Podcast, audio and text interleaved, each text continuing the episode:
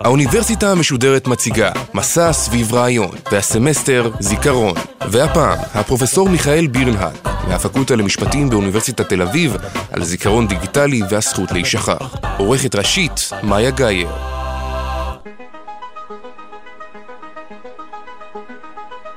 רבים מאיתנו רוצים להשפיע על האופן שבו אחרים חושבים עלינו בחיינו ושבו יזכרו אותנו במותנו. אנחנו מבקשים לשלוט בדימוי שלנו בעיני אחרים, וזה אך טבעי. נעים לנו לדעת שחושבים עלינו דברים טובים, ונעים הרבה פחות לדעת שלא אוהבים אותנו. הסביבה שלנו משפיעה על ההתנהגות שלנו, וחשוב לנו מה יגידו.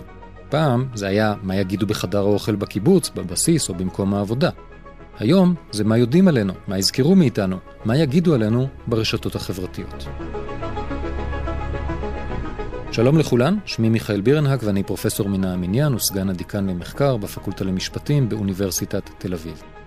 המחקר שלי עוסק ביחס שבין המשפט לטכנולוגיה, ובעיקר בקשר לקניין רוחני ופרטיות. בהרצאה זו אני מבקש לבחון את הנושא של זיכרון במרחב הרשתי, כלומר באינטרנט, מהזווית המשפטית. כיצד המשפט מאפשר לנו להגן על הדימוי שלנו, וליתר דיוק על הזיכרון שלנו.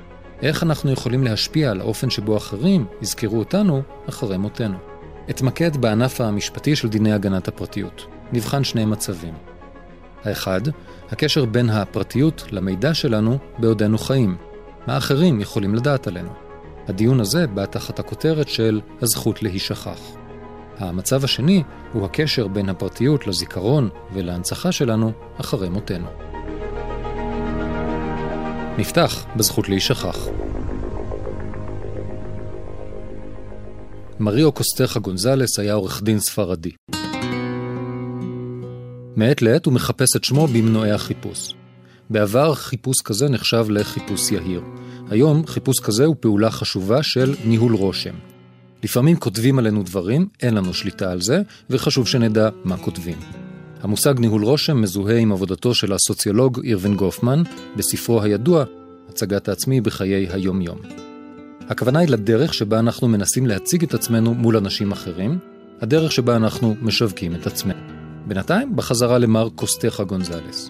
הוא חיפש את שמו במנועי החיפוש, ובין התוצאות מצא קישור לאתר של עיתון מקומי שפרסם הודעה על פשיטת רגל שלו כעשר שנים לפני כן. הוא לא ידע את נפשו, הוא שילם את חובותיו, מנהל חיים נורמטיביים, והוא מניח שהאזכור הישן עלול לפגוע בו. הרי אנחנו בודקים לא אחת במנועי החיפוש מה נמצא על איש מקצוע לפני שאנחנו פונים לקבל שירות. חברנו פנה לגוגל וביקש שתסיר את התוצאה, אך גוגל סירבה. הוא פנה לרשות להגנת הפרטיות בספרד, שתתערב, וגם שם השיבו את פניו ריקם. הוא לא התעייף, הוא פנה לבתי המשפט, עד שהגיע לבית הדין לצדק של האיחוד האירופי, הערכאה המשפטית הגבוהה ביותר שם. בית הדין בחן את הסוגיה לפי הדירקטיבה, כלומר צו להגנת הפרטיות משנת 1995. הדירקטיבה לא התייחסה במפורש לנושא הזה, אבל כן קבעה, בין היתר, שמותר להחזיק מידע אישי על אדם, רק כל עוד המידע רלוונטי. במאי 2014 זכה סוף סוף קוסטחה גונזלס.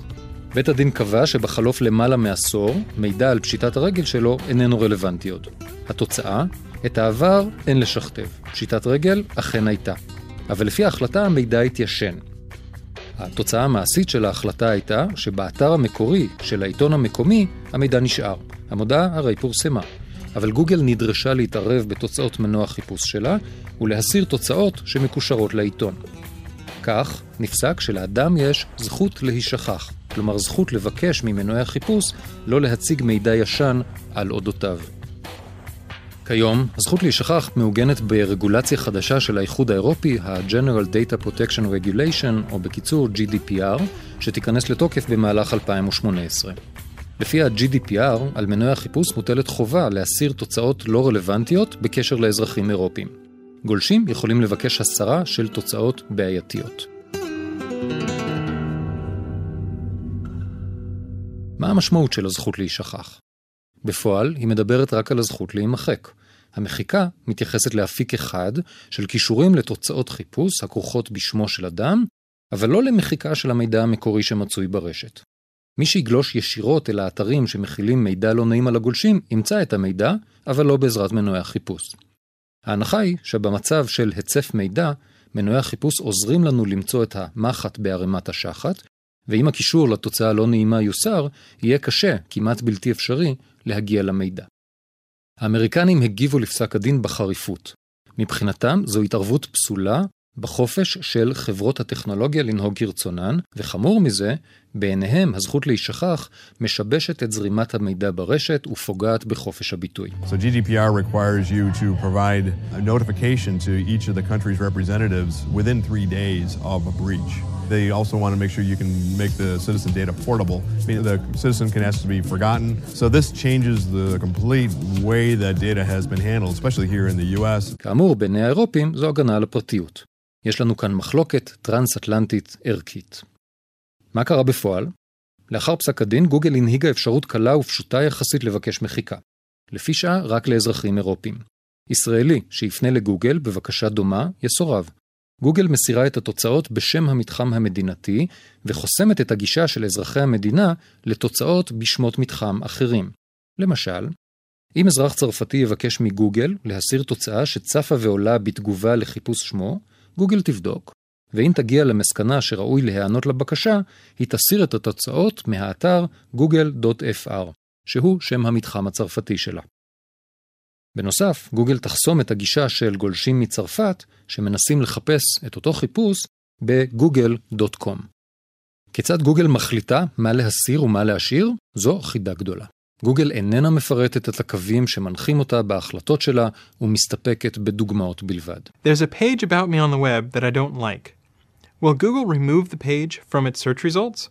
Why or why not? In general, when you come to Google and you say, I don't like this page, if it's under your control, we're happy to have you remove it. But if it's under somebody else's control, that can be a little bit more of a delicate situation. Because if there's a he said, she said situation and we don't know who's right, it can be a little bit risky for us to try to just pick sides arbitrarily. We don't really have the resources to investigate all the different people who come to us and say, I'm right, this person's wrong, and this page should go away. We really don't know what the truth is. התוצאה מורכבת. המידע המקורי נשאר באתר שבו פורסם. החיפוש נחסם בפני אזרחי המדינה שבה גר המבקש. החסימה פועלת במיוחד מול המעגל שהכי חשוב לו, מי שמכירים אותו. לגביהם ניתנת לו מידה מסוימת של שליטה במידע על אודותיו. שאר העולם חשוף למידע, אבל מתעניין בו הרבה פחות.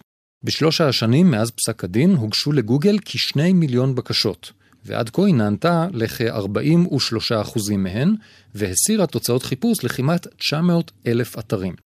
מספר הבקשות שמוגש ביום עומד כיום על אלפים אחדים. המספרים נשמעים עצומים, ואכן, במבט ראשון, נראה שיש פה התערבות משמעותית בזרימת המידע ברשת, במיוחד בגלל המרכזיות של גוגל בסביבה המקוונת. אבל בפועל, זו התערבות מצומצמת יחסית. לשם השוואה, כדאי לבחון את הנושא של זכויות יוצרים. לפי החוק, הפעם דווקא החוק האמריקני, גוגל מסירה כישורים לאתרים שחשודים כמפרים זכות יוצרים. בעלי הזכויות מודיעים לגוגל והיא מסירה. אין בדיקה של ממש של התלונות. התוצאה, בעלי הזכויות מגישים בקשות באופן סיטונאי ואוטומטי באמצעות רובוטים. גוגל מטפלת בבקשות, גם כן באמצעות רובוטים, בהיקף של 100 אלף בקשות בשעה. בחזרה לזכות להישכח. ננסה לחשוב עליה עוד קצת. הזכות מעוגנת בדיני הגנת הפרטיות. הרעיון הבסיסי של הענף המשפטי הזה הוא להעניק לאדם שליטה במידע על אודותיו. פרטיות איננה עוסקת רק בנעשה בחדר המיטות, ואיננה מוגבלת לסוגיות כמו מצב רפואי או מצב כלכלי. כיום, בעידן המידע, הפרטיות שלנו היא בעיקר ביחס למידע שלנו. כל פעולה שלנו מתועדת באמצעות הטכנולוגיות שבהן אנחנו משתמשים. המכשיר הסלולרי, המחשב, התחברות לרשת, צפייה בטלוויזיה דיגיטלית, שימוש באביזרים של טכנולוגיה לבישה כמו שעוני דופק או ספירת צעדים. הטכנולוגיות אוספות מידע על הרגלי החיים הקטנים והגדולים שלנו, על מיקום, על שיחות שאנחנו מנהלים, על מעגלים חברתיים ועוד. מהמידע הזה אפשר להסיק הרבה מאוד על מצבנו האישי, הרפואי, עמדות דתיות, עמדות פוליטיות, פרופיל צרכני, ניהול שעות הפנאי ועוד. מרגע שנוצר המידע, יש מי שמתעניינים בו.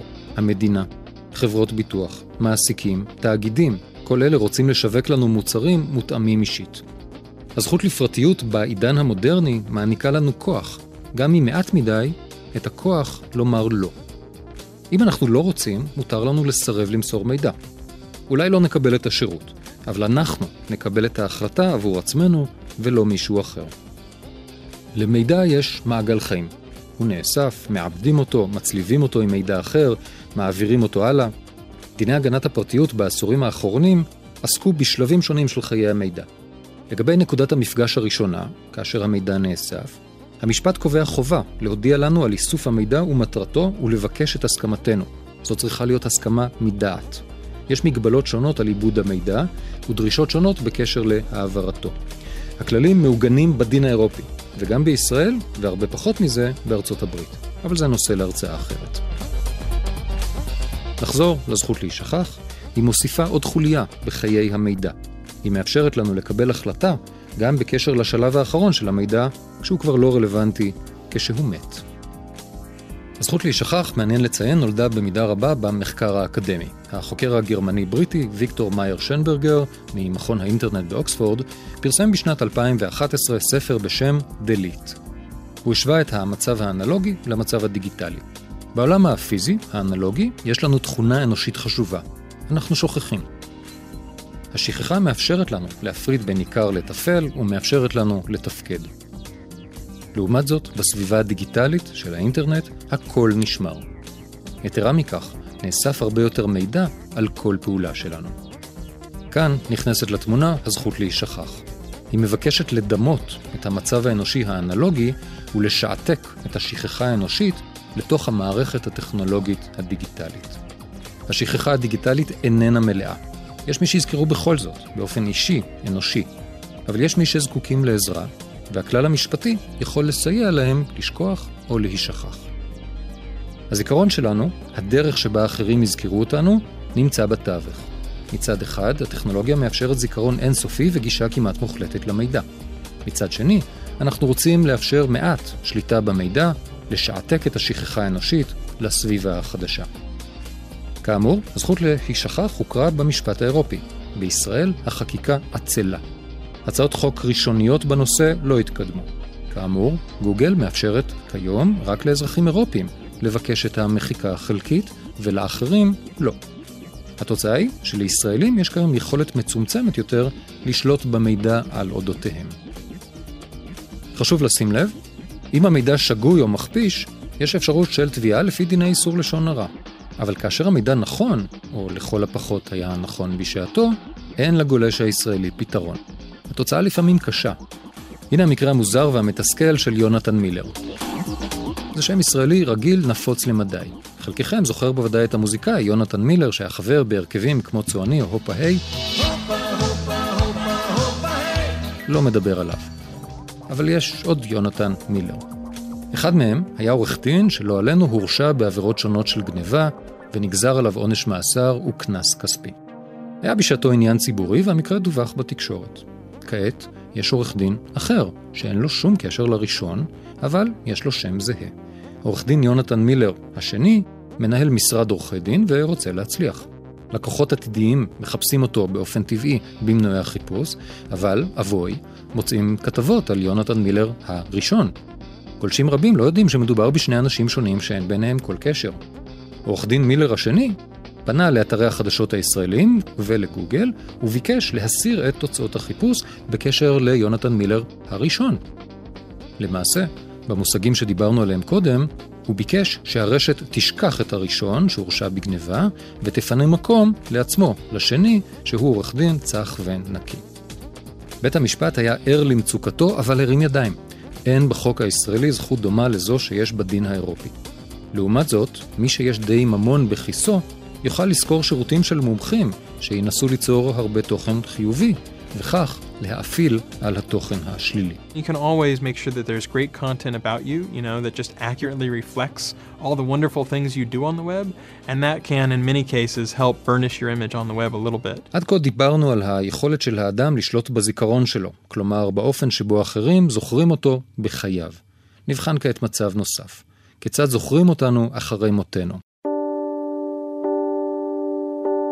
זה נושא שמעורר חוסר נוחות. מי מאיתנו רוצה לחשוב על גורל המידע שלנו אחרי מותנו? הנה הבעיה בתמצית. ככל שהחיים עוברים יותר ויותר לסביבה דיגיטלית, נצבר עלינו עוד מידע. במותנו, מה קורה עם המידע הזה? מי יכול לגשת אליו? האם בני המשפחה שלנו יכולים לראות את ההתכתבות האישית שלנו ברשת החברתית, בתיבת הדואר האלקטרוני? מה עם התכתבויות ותמונות באתרי היכרויות? מה יעלה בגורל צילומים שצילמנו, ואולי שירים, מאמרים או ספר זיכרונות ששמורים בצורה דיגיטלית? התכנים הדיגיטליים ממלאים תפקיד כפול. מצד אחד, הם הדרך שבה אדם יכול לנסות להשפיע על האופן שבו יזכרו אותו. מצד שני, התכנים האלה יכולים לסייע לבני המשפחה והחברים לזכור את האדם ולהנציח אותו. כאשר הרצונות האלה אינם עולים בקנה אחד, יש לנו מאבק על הזיכרון. מי יחליט מהם חומרי הגלם שמהם מורכב הזיכרון שלנו לגבי מי שהלכו לעולמם ולגבי עצמנו בבוא העת. ההשוואה למצב הפיזי מדגישה את הקושי. כאשר אדם נפטר, נכסיו עוברים לעיזבון והעיזבון מחולק ליורשים לפי צוואה או לפי דיני הירושה. ליורשים עשויה להיות גישה לחפצים של המנוח, ושם הם עשויים למצוא בין היתר מכתבים, יומן אישי, צילומים אישיים או מסמכים שונים. הם יכולים לעיין בחומרים ולהשתמש בהם כרצונם, ואין מי שעומד בדרכם. בסביבה הדיגיטלית, לעומת זאת, המצב שונה. בדרך כלל, יש צורך בתיווך של גורמי הביניים, ספקי השירות השונים. חישבו רגע, למי יש גישה למידע האישי שלכם ששמור במחשב או בטלפון הנייד? רבים מכם ישיבו במהירות רק לי. חישבו שוב. האמנם? כאשר פותחים את המחשב שלכם, האם נדרשת סיסמה? או שאפשר להיכנס מיד לדואר האלקטרוני, לרשת החברתית ועוד? האם השארתם בבית רשימת סיסמאות? אלה מצבים שאפשר לקרוא להם גישה בפועל או גישה במחדל. למי שיש גישה אל המכשיר האלקטרוני, המחשב, הטאבלט, הטלפון החכם, תהיה גישה מלאה למידע. החיים המלאים של האדם ייחשפו בפניהם במותו. הם עכשיו שולטים במידע שלו, ובמידה רבה בזיכרון שלו. במצבים אחרים אין גישה בפועל. למשל, כי החשבונות או המכשירים מוגנים בסיסמה, או כי אין גישה למחשב או לטלפון מסיבה כלשהי. במקרה כזה, בני המשפחה עשויים לפנות לספקי השירות, לחברה שמספקת שירותי דואר אלקטרוני, לרשת החברתית, לחברה שמספקת שירותי אחסון בענן או לאתר ההיכרויות. המשפחה מבקשת גישה למידע. ספקי השירות, כלומר מי שמפעיל את שירות הדואר האלקטרוני, הרשת החברתית וכן הלאה, אוחזים במפתח. הם יכולים לאפשר גישה לתכנים, אבל הם מעדיפים לא לעסוק בכך. יש לך חלויות. צריך כוח אדם וזמן לטפל בבקשות לגישה לתכנים של משתמשים שהלכו לעולמם. יש להם גם אינטרסים עסקיים. כבר היום, בפייסבוק יש מיליוני חשבונות לא פעילים של משתמשים שהלכו לעולמם. המספר רק ילך ויגדל. פייסבוק לא מעוניינת להפוך לבית עלמין דיגיטלי. זה אינטרס עסקי לגיטימי. יש פה שאלות עקרוניות. בני המשפחה מבקשים גישה למידע, בדרך כלל לצרכים של אבל, הנצחה וזיכרון. חשוב להם לחזור לרגעים מכוננים או יומיומיים בחייהם של יקירם שמת, ולהכיר עוד פנים בחייו, פנים שאולי לא זכו להכיר בטרם מותו. הם רוצים להיות בקשר עם חברים אחרים של המנוח. אתרי האינטרנט בכלל והרשתות החברתיות בפרט יכולים ליצור זירה של התכנסות, מעין מקבילה דיגיטלית למסורת היהודית של השיבה. ההתכנסות הדיגיטלית מאפשרת לשתף, להשתתף, לזכור את המנוח ביחד. לפעמים לבני המשפחה יש אינטרסים נוספים. הם רוצים לגשת לחשבונות השונים של ספקי השירות, למשל דפי החשבון מהבנק או חברת החשמל. אולי בענן או במחשב יש נכסים ממש, ביטקוין, קובצי מוזיקה חוקיים ועוד. לצילומים ששמורים במחשב יש ערך סנטימנטלי, לפעמים גם ערך כלכלי ממש. חשבו על סופרת שהטיוטה האחרונה של הספר שלה שמורה במחשב. מה איתנו, המשתמשים החיים? גולשים רבים לא מסדירים את הגישה למידע שלהם לאחר מותם. כאמור, לא נעים לחשוב על המוות שלנו. המוות הוא מעין טאבו חברתי, ובכלל אנחנו דחיינים. גולשים אחרים סומכים על בני המשפחה, הם כבר יסתדרו. אחרים אדישים לגמרי, מה אכפת לי? אבל יש עוד גישות. יש מי שרוצים שלבני המשפחה תתאפשר גישה למידע ולתכנים שלהם אחרי מותם. הם מבינים שיש שם תוכן חשוב שיכול לסייע לאחרים לזכור אותם. הם מנסים בצורה הזו לשלוט בזיכרון לגביהם לאחר מותם. אבל יש גם מי שלא רוצים. האם הייתם רוצים שקרובי המשפחה יראו את כל התכתובות האישיות שלכם עם החברים? את כל התמונות שיש לכם במחשב? כולל תמונות ששלחתן או קיבלתן באתרי היכרויות? זו אגב תופעה נפוצה. במילים אחרות, יש משתמשים רבים שרוצים לשמור על הפרטיות שלהם גם לאחר מותם. במונחים של גופמן, שהזכרנו קודם, הם רוצים לנהל את הרושם שלהם גם אחרי מותם. האם אנחנו יכולים לסייע להם להיזכר בדרך שבה הם רוצים? האם ראוי שנסייע להם, בצורה משפטית, לעשות זאת? זאת לא רק שאלה תאורטית, זו שאלה מעשית. ספקי השירות הישראלים לא מפרסמים את המדיניות שלהם בנושא. ורד שביט, פעילה לקידום הנושא ומפעילת הבלוג אבק דיגיטלי, בדקה עם הספקים השונים והמסקנה שלה, אין מדיניות ברורה. ספקי שירות זרים דווקא הציעו פתרונות. גוגל מציעה שירות מעניין. משתמש יכול לבחור מה יעלה בגורל המידע שלו, אם החשבון שלו לא יהיה פעיל למשך תקופה של שלושה חודשים ומעלה. חשבון גוגל כולל דואר אלקטרוני, ג'ימייל, אבל גם חשבונות ביוטיוב, קרום, פיקאסה, אנדרואיד ועוד. המשתמש יכול להחליט מהו פרק הזמן שלאחריו החשבון שלו יהפוך ללא פעיל. המשתמש יכול לבחור האם להורות לגוגל למחוק את החשבון, או להעניק גישה לחומרים ששמורים בשרתי גוגל לחלק מאנשי הקשר שלו לפי בחירתו. גם פייסבוק מציע כלי טכנולוגי לניהול חשבון של משתמש שמת. Facebook is now giving you the power to decide what happens to your account when you die. The social network will allow users to pick a legacy contact who can manage your account after death. It seems kind of crazy that we need this feature, but why do we? You know, a lot of people live their lives and share their moments and their memories through Facebook. For many of these people, what happens to their information when they pass away has become a real source of tension. המשתמש יכול למנות את מה שגוגל מכנה איש קשר לעניין מורשת. כאשר פייסבוק מגלה שהמשתמש שלה נפטר, בין אם באמצעות הודעה מהמשפחה ובין בדרך אחרת, פייסבוק ממירה את החשבון הרגיל לחשבון מונצח. בחשבון המונצח יופיעו המילים זוכרים את. חשבון מונצח עדיין קיים, אבל הוא איננו פעיל. חבריו של המנוח לא יקבלו הודעות על יום הולדתו של המנוח או הודעות דומות, הודעות שרוב הגולשים תופסים כלא נעימות. אם המשתמש המנוח מינה לפני מותו איש קשר, איש הקשר יוכל להחליף את תמונת הפרופיל ולכתוב טקסט קבוע שיופיע בראש החשבון. איש הקשר יוכל לבצע עוד כמה פעולות, אבל הוא לא יוכל להמשיך להפעיל את החשבון במקום המשתמש שנפטר. איש הקשר גם איננו יכול לקרוא תכתובות אישיות. במבט ראשון, הפתרון הטכנולוגי נראה מצוין. האדם יכול להחליט מה יעלה בגורל המידע שלו. בני המשפחה יכולים לקבל גישה לתכנים, אם כך ביקש המנוח. אבל המציאות מורכבת יותר, והכלים האלה כמעט שאינם בשימוש.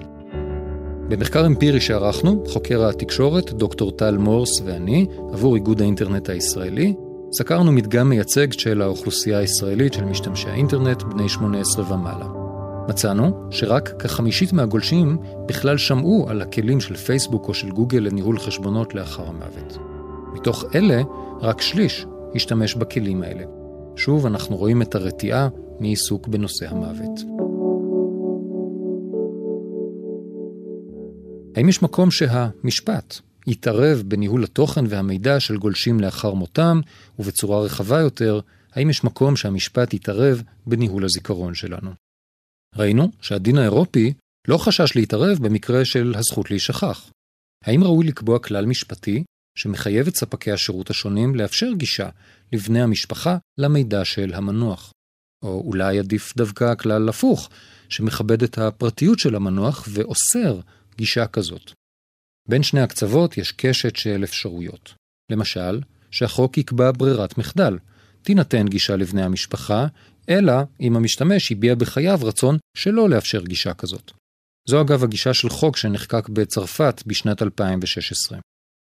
ברירת המחדל יכולה להיות הפוכה, שלא תינתן לבני המשפחה גישה לתכתובת בין אישית, אלא אם המשתמש המנוח הביע בחייו רצון שכן תינתן גישה. זו העמדה של חוקים בכמה ממדינות ארצות הברית. מה רוצים הגולשים? ובכן מתברר שאין עמדה אחידה. במחקר שערכנו דוקטור מורס ואני, מצאנו שלגולשים יש רצונות מגוונים, והם תלויים בין היתר בסוג התכנים השמורים ברשתות ובמכשירים.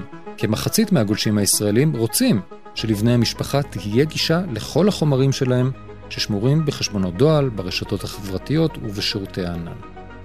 מנגד, קבוצה משמעותית, כשליש מהגולשים, מעוניינים למחוק את כל הנתונים בחשבונותיהם בשירותים האלה.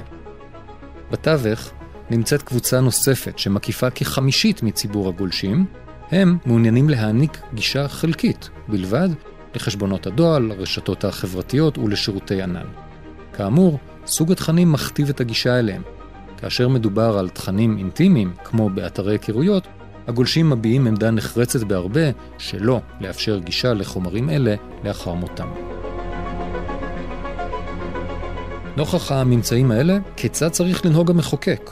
הרי לא משנה מה יקבע החוק, התוצאה תהיה שקבוצה גדולה של משתמשים תיפגע.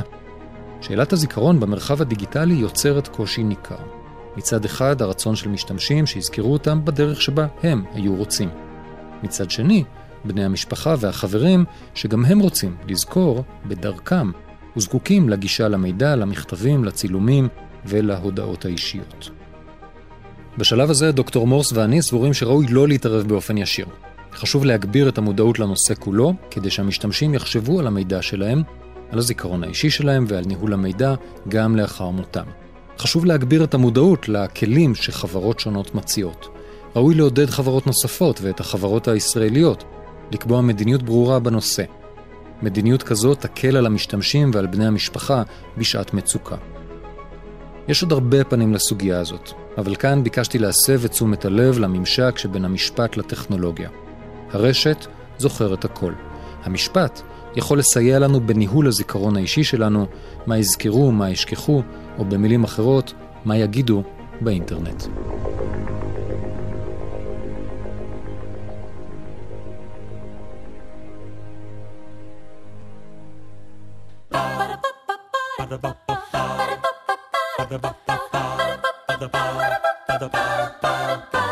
האוניברסיטה המשודרת, מסע סביב רעיון, והפעם, הפרופסור מיכאל בירנהק, מהפקולטה למשפטים באוניברסיטת תל אביב, על זיכרון דיגיטלי והזכות להישכח. עורכת ראשית, מאיה גאייר, עורכת ומפיקה, נעמי שלו, מפיקה ראשית, יובל שילר, עורכת הדיגיטל, נועה שינדלר. האוניברסיטה המשודרת, בכל זמן שתרצו, באתר וביישומון גלי צה"ל ובדף הפייסבוק של האוניברסיטה המשודרת.